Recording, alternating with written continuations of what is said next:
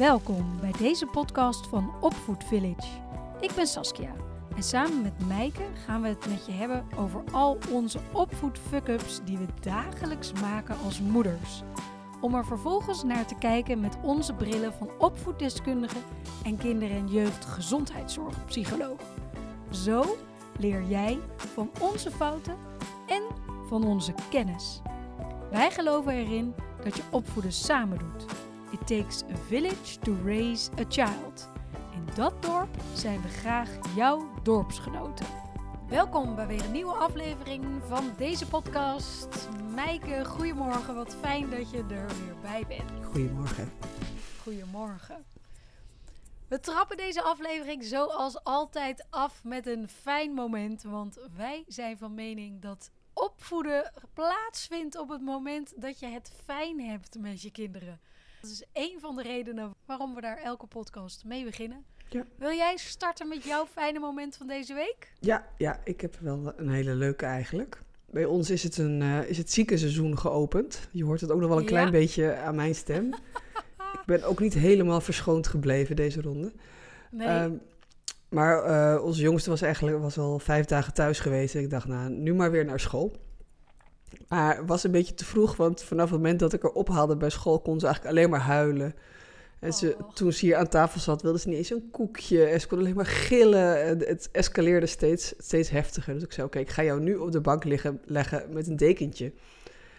En dat wilde ze natuurlijk niet. Maar ze liet zich wel gewillig tillen. En ze was helemaal Ja. slap. En ze kon eigenlijk alleen maar Oh. gillen. Dus eh, knuffel gehaald. Ze had de duim in de mond. En ze lag nog te gillen met de duim in de mond. Zo, ik wil Ja. niet slapen.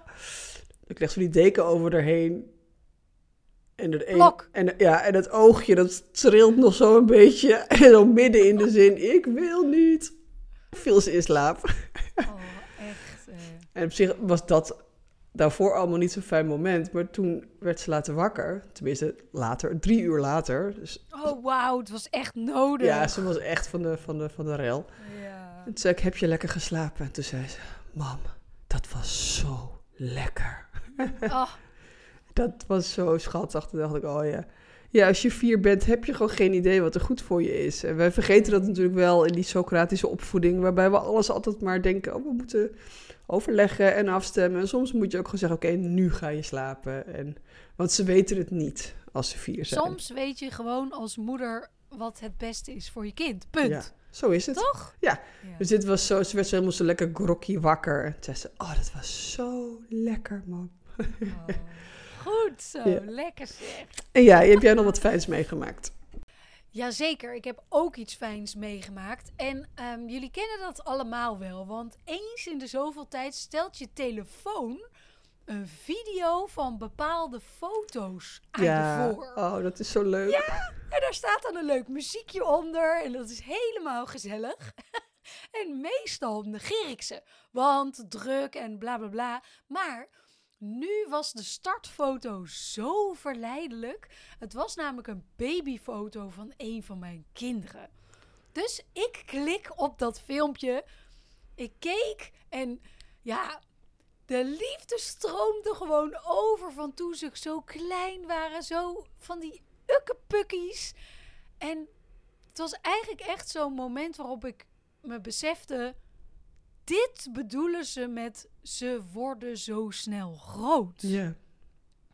Dat besef je je eigenlijk pas als je terugkijkt. En niet op de momenten dat, eh, dat er eentje krijsend op de vloer van de supermarkt ligt. Of eh, als je bekogeld wordt met broccoli. Of er een deur in je gezicht dichtgesmeten wordt omdat de puberteit eh, langzaam begint in te treden.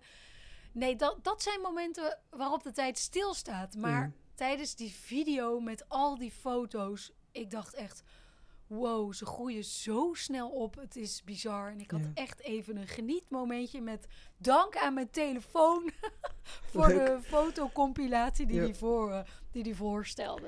Ik Dus, kijk ook, eh, doe je dat ook eens, als ze dan s'avonds in bed liggen, dan ga ik een soort van babyfoto's kijken. Of foto's van een jaar of twee jaar Ja. geleden. Oh, wat deden we twee jaar geleden op deze dag?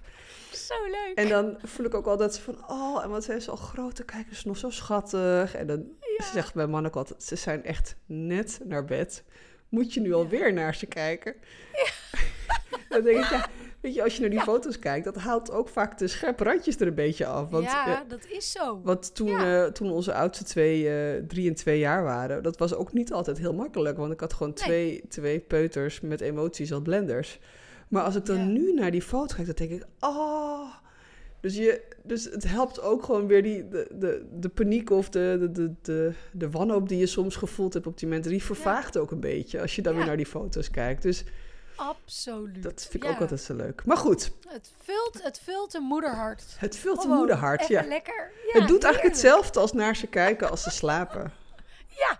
ja, dat vind ik ook een fijn moment. Maar goed, wow, wat hebben we veel fijne momenten. Super. Maar we hadden ook een leuk onderwerp en daar wil ik eigenlijk Ja, ook we- genoeg tijd voor overhouden. Zeker, zeker, zeker. We gaan ook inderdaad daar meteen naartoe, eh, naartoe springen. En waarom kwamen we hierop? Ik zat een tijdje geleden, was ik de was aan het opvouwen. Ja, ja, dat doen we allemaal veel te vaak en het kost veel te veel tijd. Maar vooruit, ik was de was aan het opvouwen en de kinderen zaten eh, op een afstandje beneden te spelen. Ik weet niet meer, met vriendjes of vriendinnetjes of met elkaar, geen idee. Maar ik luisterde zo van een afstandje mee en er werd met blokken en de knikkerbaan. En opeens hoor ik tussendoor... eh, jij bent niet meer mijn vriend. Ja. Dus ik, was, eh, ik had een handdoek en ik dacht, ho, wat Ingrijpen. gebeurt hier? Dus ik luister nog even verder. Het klonk wel weer oké. En toen hoorde ik die ander zeggen, ben ik nu dan wel weer je vriend? Ja, ja, dat was dan ook weer. Nou, dus het ging zo ver. Maar vervolgens gebeurde het weer. En dit keer op een nog ja, pittigere toon. En ik betrapte me ook op allerlei gedachten. Zo van. Oh, dit mag je niet zeggen tegen je vriend. En eh, eh, hou hier eens mee op. En ehm, op deze manier komt hij nooit meer spelen. En, Ja, ja, ja, ja. Maar totdat ik het er dus met jou over had. En wij dus ook deze podcast of dit podcast onderwerp bedachten. Ja. Want jij zei toen. Ja, nou, ik heb dit ook meegemaakt. Hè. Onze, en, en het verschilt een beetje bekend, maar hoe intenser ze de emoties beleven, dus hoe sneller ook dit soort momenten ontstaan. Nou ja, ik heb het ook wel eens gehad dat ze krijzend, twee, vierjarigen krijzend tegenover elkaar, jij bent nooit meer mijn vriend. En ik, eh, ik was in een andere kamer, dus ik rende daar een soort van naartoe. En dat ze toen elkaar aankeken en weer keihard moesten lachen. Oh ja. Dus toen dacht ik al, oké, wat is hier aan de hand? En ik heb het toen een keer opgezocht. En eh, in de ontwikkeling van het brein, in eh, Ja. hoe je eh, iemand ervaart of ho- hoe je van iemand kan houden, Mhm. zit natuurlijk een ontwikkeling in. En als we hele kleine babytjes zijn, dan ervaren we onszelf eigenlijk alleen maar aan de hand van onze zintuigen. Dus dat we Ja. worden opgepakt, dat we worden gevoed, dat we nou, de tepel van je moeder in je mond of een flesje, dat geeft het gevoel van veiligheid. Eh, dat is eigenlijk de eerste fase in hoe je jezelf beleeft. En ergens halverwege het eerste jaar ga je jezelf ervaren als iemand die in interactie is. Dus dan zie je ook, ik weet nog wel heel duidelijk het moment, bij de een komt het dan na een paar weken, en de ander na een paar maanden, maar dat je denkt, hé, hey, we hebben contact. Ja, Hè, dan gebeurt er iets in, Ja. in, de ogen en dan ervaart de baby. je. Ja, dan, ja, ik noemde dat, oh, ze zijn, ze zijn er, ze zijn geland. Ja, klik. Ja. En dan begint langzaam in dat brein een besef te komen. Dat is natuurlijk allemaal onbewust, want ze hebben de taal nog niet. Van, oh, ik ben iemand, ik besta in de interactie. Mhm. Daarom, als je bijvoorbeeld kinderen hebt die ehm, geadopteerd zijn en eh, heel lang in een weeshuis hebben gelegen waar helemaal dit contact niet is geweest, die slaan deze Ja. fase over. Dus die ervaren zichzelf niet als iemand Mhm. eh, die contact maakt, die interactie maakt. Eh, in verminderde Oh. mate. Dus dit is echt een belangrijke fase van ik geef iets aan, iemand reageert erop. Hè, dus we weten allemaal een kind die zegt boe. En wij alle moeders en vaders, oh boe, boe, boe, boe, boe. En we doen het kind na, we geven een soort ontvangstbevestiging. Dus dat is ja, nou, fase 2. Dan he- het kind heeft door, oké, ik ben in interactie met hem. ja, Maar eh, het kind kan nog helemaal geen onderscheid maken in, ehm, in ambiguë situaties. Ja, dat klinkt een beetje lastig. Dat komt namelijk pas later. Dus of je voelt je veilig of je voelt je onveilig. ja. Het is zwart of het is wit. Het is zwart of het is Of wit. het is Ja. slecht. Ja, het is goed of het is slecht. Dat is in deze fase nog, omdat het brein gewoon niet die, die, nou, de differentiatie kan maken. Het verschil kan maken tussen nuances. Ja. En uh, op een gegeven moment, nadat een kind leert dat hij in interactie is met de ander, leert hij vervolgens: oké, ik kan ook een gedachte hebben over een ander. En de ander kan een gedachte hebben over mij. Nou, dat zie je een beetje rond 5, 6, 7 jaar ontstaat dat. Uh, een, een, mooi voorbeeld daarvan was een van mijn kinderen die uh, had, een, had een vriendinnetje gemaakt op, op de school in, in, Bali. En opeens zat hij heel hard te huilen. En toen zei ik, nou wat is er nou? Nou, toen zei hij, ik bedacht me opeens dat zij misschien nu wel meer van een ander vriendje zou houden dan ze van mij had gedaan. dus dan, opeens kon hij denken over wat zou, zij zou kunnen Ja. denken en voelen. Ja, niet dat dat waar is, maar opeens dacht ik, oh ja, dit is echt een sprong. Je kan... Ja, Maar goed, dat komt pas bij 6, 7 jaar. Dat je op die manier kan denken over een ander. Tot die Mm. tijd maken kinderen gebruik van een eh, techniek, en dat noemen ze in de psychoanalyse splitsing. Ja. En dat is of all good of all bad. En, goed nou, of slecht, ja, zwart of wit. goed of slecht, zwart of wit. Dat, als het daar ook misgaat eh, in de ontwikkeling, als er onvoldoende aandacht is of het is te veel onveiligheid, dan kan er ook mogelijk een borderline persoonlijkheidsstoornis later in het leven ontstaan. Want dit zijn gewoon hele belangrijke vaardigheden. Ja. Nou, niet meteen schrikken als je denkt, mijn kind kan dit niet, het wordt een borderline persoonlijkheidsstoornis. Dat is natuurlijk niet waar. Maar dit is één van de dingen die er aan ten grondslag kan liggen. Kijk, als je niet leert dat er een nuance is, Mhm. ja, dan blijf je je hele leven splitsen. En dat Ja. is eigenlijk precies wat er ook gebeurt. Nou, het is een heel lang verhaal. over over jouw, eh, jouw kind, die van het ene moment zegt: Je bent mijn vriend niet meer. Ja. Dat voelen ze dan ook op dat moment zo. Echt te denken: Nou, wat je me nou flikt. Je gooit het blokje op de grond. Je bent mijn vriend niet meer. Meteen, bam. Want ze kunnen niet bedenken. Dit is een gedachte die nog te ver gaat op die leeftijd. Jeetje, hij gooit nu dat blokje op de grond. Maar dat zegt natuurlijk helemaal niks over onze relatie. Nee, nee, nee, nee, Nee. Dus dat kunnen ze nog helemaal niet bedenken. Dus tot een jaar of vier, vijf is dit heel normaal. Mhm. Net als als eh, nou ja, een ander voorbeeld daarvan. Mijn dochter kan op het ene moment, ze is nogal pittig. Nou, kan ze echt roepen, stomme... Nou ja, laat ik het netjes houden, stomme mama. Ja, Maar dan met heel veel extra intentie en nog wat Ja, woorden erbij, want ze heeft een elfjarige zus. Ehm, en dan twee seconden later zegt ze weer met een liefste gezicht: Ik hou van jou. ja, ja, ja, ja. En Maar dat is inderdaad dat, dat bipolaire, of hoe noem je dat? Dat, dat, dat je denkt, ja, huh? tweepolige, Maar dat- bipolair. Ja. Precies, dat hebben ze dus gewoon nog niet geleerd. Nee, en ze kunnen het ook nog niet. In hun brein gewoon letterlijk nog niet. Nee. Nee, en wat er dan natuurlijk eh, met ons gebeurt als ouders, is dat we dan. Hè, we, zoals mijn, nou ja, goed, laat ik maar zeggen wat ze zei. Ze, ze zei: eh, Ik wou dat je dood was. Nou, daar, Oh, daar ben ja. ik helemaal niet van. Dus dat vind ik ook heel vervelend als ze dat zegt. Ja, Ehm, maar ik weet dat ze het niet meent. nee. Kijk, ik kan het onderscheid maken ondertussen bij kind 4.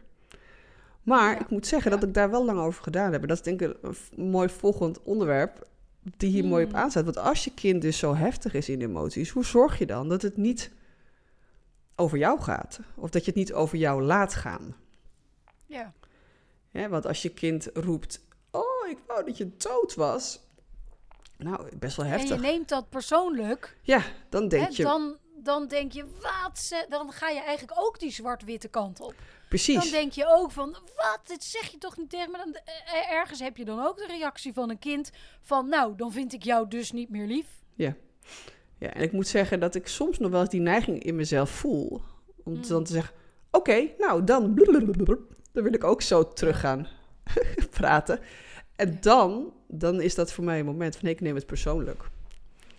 Ja, het is, dat besef je. Je beseft je, ik neem het persoonlijk en Ja. dat is dit niet. nee, dit is dit het niet. is niet persoonlijk. Het is een fase in de ontwikkeling van mijn kind. En die kan nu op dit moment nog niet het onderscheid maken tussen de hele middenweg die er bestaat. Ja. En dat wil natuurlijk niet zeggen dat je het dan maar moet goedkeuren... en dat je moet klappen en een complimentje geven omdat je kind zoiets zegt. Nee, Ja, dat is dan weer, dat is dan niet de bedoeling. dat is het andere uiterste. Dat is anders uit. Maar om vervolgens dan tegen je kind te zeggen, oh, dat heb ik ook zo vaak gezegd, zo praat je niet tegen mij, weet je. Dat heb ik ook wel gezegd. Maar dat heeft natuurlijk heel, nou tenminste, misschien bij sommige kinderen wel, maar die top-down, dat heeft bij mijn kinderen helemaal geen nut. Geen Die nut. kijken me aan en die zeggen het nog een keer en dan zeggen ze, zie je dat ik het kan?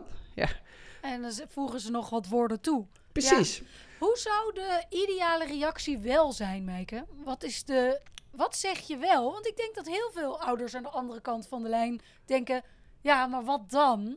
Wat zeg je dan op het moment dat je kind zoiets zegt? Hè, we gaan dus niet klappen. Nee. En we gaan niet zeggen van... eh, zo praat je niet tegen me. Nee. Maar wat wel? Ja, dat is een hele goeie. Ik denk het beste is om je op dat moment te beseffen ten eerste... oké, wow, heftige woorden. En dan, oh ja, dit, eh, de inhoud meent ze niet... maar dit laat zien dat ze boos is. Dat ze het er niet mee eens is. Dus wat ik eigenlijk altijd probeer te doen... Ja. Je hoort wel. Het lukt mij ook natuurlijk niet altijd. Maar wat ik probeer te doen is eerst te benoemen... oké, ik merk nu dat je heel erg boos bent. ja, je benoemt de emotie. Ik benoem de emotie en dan zeg ik wel wat het met mij doet. Hè. Als je dit tegen mij zegt, maakt me dat verdrietig. Ja. Kunnen we, en dan kan je zeggen van nou, kunnen we dit ook op een andere manier doen? Maar meestal is het op dat moment helemaal niet verstandig om het te, besluiten, om het te Dus bespreken. niet het, eh, niet het lesmoment. Nee. Hè? Er zitten te veel emoties in. Ja, En dat vind ik nog wel een goeie om nog een keer te zeggen, want daar hebben we het in voorgaande afleveringen ook over gehad. In de basis zijn alle emoties goed. Ja. Hè, emoties zijn boodschappers. Emoties willen je iets, iets duidelijk maken, die kunnen je iets leren. Niet elk gedrag is goed. Nee, precies. En dat is vaak het gedrag. Is iets wat we op een later moment beter met onze kinderen kunnen bespreken. Omdat zolang de emoties te hoog zitten, is er geen ruimte in het brein om te horen dat het gedrag beter zou kunnen. Dat Nee. kan je veel beter met je kind bespreken op een rustig moment. Ja, precies. Want anders wordt het ook veel te schaamtevol en komen nog Ja. meer moeilijke emoties. Dus ik Ja. ben er wel voor dat het altijd wordt nabesproken. Alleen Mhm. niet per se op dat moment zelf. Wat me ook aan doet denken is, er is natuurlijk ook de, de O-strategie. Ja, En die leggen we ook uit in een van onze mm, programma's. Maar in het kort komt het erop neer dat elk mens, dus ook kinderen, willen gezien, gehoord, geliefd en gewaardeerd worden. En hoe kan je een kind zien door hetgeen wat ze zeggen te ja, beamen? En dat kan al zo simpel met het woord O. ja, Dus als je kind iets heel raars zegt, dus eh, het is niet persoonlijk, dat, dat moeten ze dus nog leren, dat onderscheid, die middenweg moeten ze nog leren. Zeg oh. Of mhm. Daarmee voelen ze zich wel gehoord ja. en kan het door naar een volgende, volgende fase. Ja. De O-strategie. Ja, een hele mooie. Ook voor jezelf is het eigenlijk... We zijn zo geneigd om met zoiets erbovenop te springen. Maar met Ja. oh doe je eigenlijk... Oh, ja, dan ga Ja, je... O kan heel veel tonen hebben. oh, Oh. Oh. Dus- En daar zit zoveel kracht in. ja, En vooraf, daaraan voorafgaand zit wel dat, want dat vind ik zo ontzettend interessant dat je dat vertelt. Het stukje van het is niet persoonlijk en hoe die ontwikkeling met het kind zit. Dus knoop dat in je eigen oren ja. en reageer in dat soort extremere situaties inderdaad met oh. Ja, want wat er... Nou, Punt. hebben we nog tijd? Hm. Wat er, wat er eigenlijk namelijk gebeurt, is op het moment dat je kind van die lelijke dingen tegen je zegt, of je kind leert, eh, of je kind doet duizend keer niet wat je vraagt, dan word je geraakt in je eigen, eh, in je eigen traumastuk. Of in je, nee, traumastuk klinkt heel heftig, maar ik bedoel, in je eigen dysfunctionele patronen. Ja. Eh, en daarom ga je zelf op een gegeven moment ook heel heftig reageren. Want als dat niet zou gebeuren, zou het je ook niet zo raken. Nee. Kijk, ik kan bijvoorbeeld heel lang denken dat, eh, oké, nou ja, oké, dan luister ze nu maar even niet, komt straks wel. Ik kan heel, en op een gegeven moment denk ik, en nou ga je Nou naar me luisteren. En dan ben ik op een gegeven moment ook helemaal over mijn theewater heen. En dan zit ik gewoon in een stuk van, van, van vroeger. Weet je, dan, eh, hoe ik dat geleerd heb. Eh, vroeger, ja, ik sprak mijn moeder niet eh, twintig keer tegen. Dat, dat kwam niet in mijn Nee. brein op. Dus Nee, dat- op nee. een gegeven moment komt zo'n oude reflex dan naar boven. En eigenlijk doordat je... Want wat we doen is dat we ook toch vaak denken... Oké, ze accepteren... maar daarmee ga je er voortdurend over je eigen grens. En daarmee kom je op een gegeven moment... dus in je oude, in je oude reflex oude terecht. stuk. Ja, in je oude reflex. Ja, mooi dat je dat aanhaalt. Want hier gaan we ook heel uitgebreid op in. In ons programma Liefdevol Ouderschap. ja, Het is een heel belangrijk onderdeel. En super interessant om dat over jezelf te ontdekken. ja. Van wat heb je nou van vroeger uit hierover meegekregen? En het doet me ook wel weer denken aan iets. Ik heb hier ook wel eens gesprekken over met, eh, met mijn eigen moeder. Ja. En dat die zich ook wel eens afvraagt van... Dat, dat, ik vraag dan letterlijk aan haar... Mama, deed ik dit vroeger ook? Nooit zeggen ze. Nee, nooit. En dan zeggen ze nooit. En ik heb er lange tijd afgevraagd dat ik dacht... Ja, ze kan het zich gewoon niet meer herinneren wellicht. Dat is natuurlijk al lang Het geleden. is een beetje hetzelfde als wij met die foto's van vroeger, Sas. Ja, precies. Ja. Maar jij ging maar er wat anders over zeggen. Maar ja, want wat ik er nog meer over wilde zeggen is dat het zijn andere tijden. De kinderen van nu zijn anders dan dat wij vroeger jong waren. Dus dat is ook Ja. een generatie waar je dat soort dingen minder goed mee kan bespreken. Er zit gewoon een verschil in de kinderen die we nu opvoeden en in hoe wij zelf waren als kind. Ja, en ik vind dat, ik persoonlijk vind ik dat een goed en belangrijk besef omdat daarmee, nou ja, dus soms als je in fa- familiesituaties en je ziet de, de oma's een beetje zo hoofdschuddend, zo van hoe zo gaat dit nou zo? Het is een andere generatie en die Ja. heeft een andere aanpak nodig. En daarmee doen wij het dus helemaal niet verkeerd. Nee, we voeden een andere generatie kinderen op.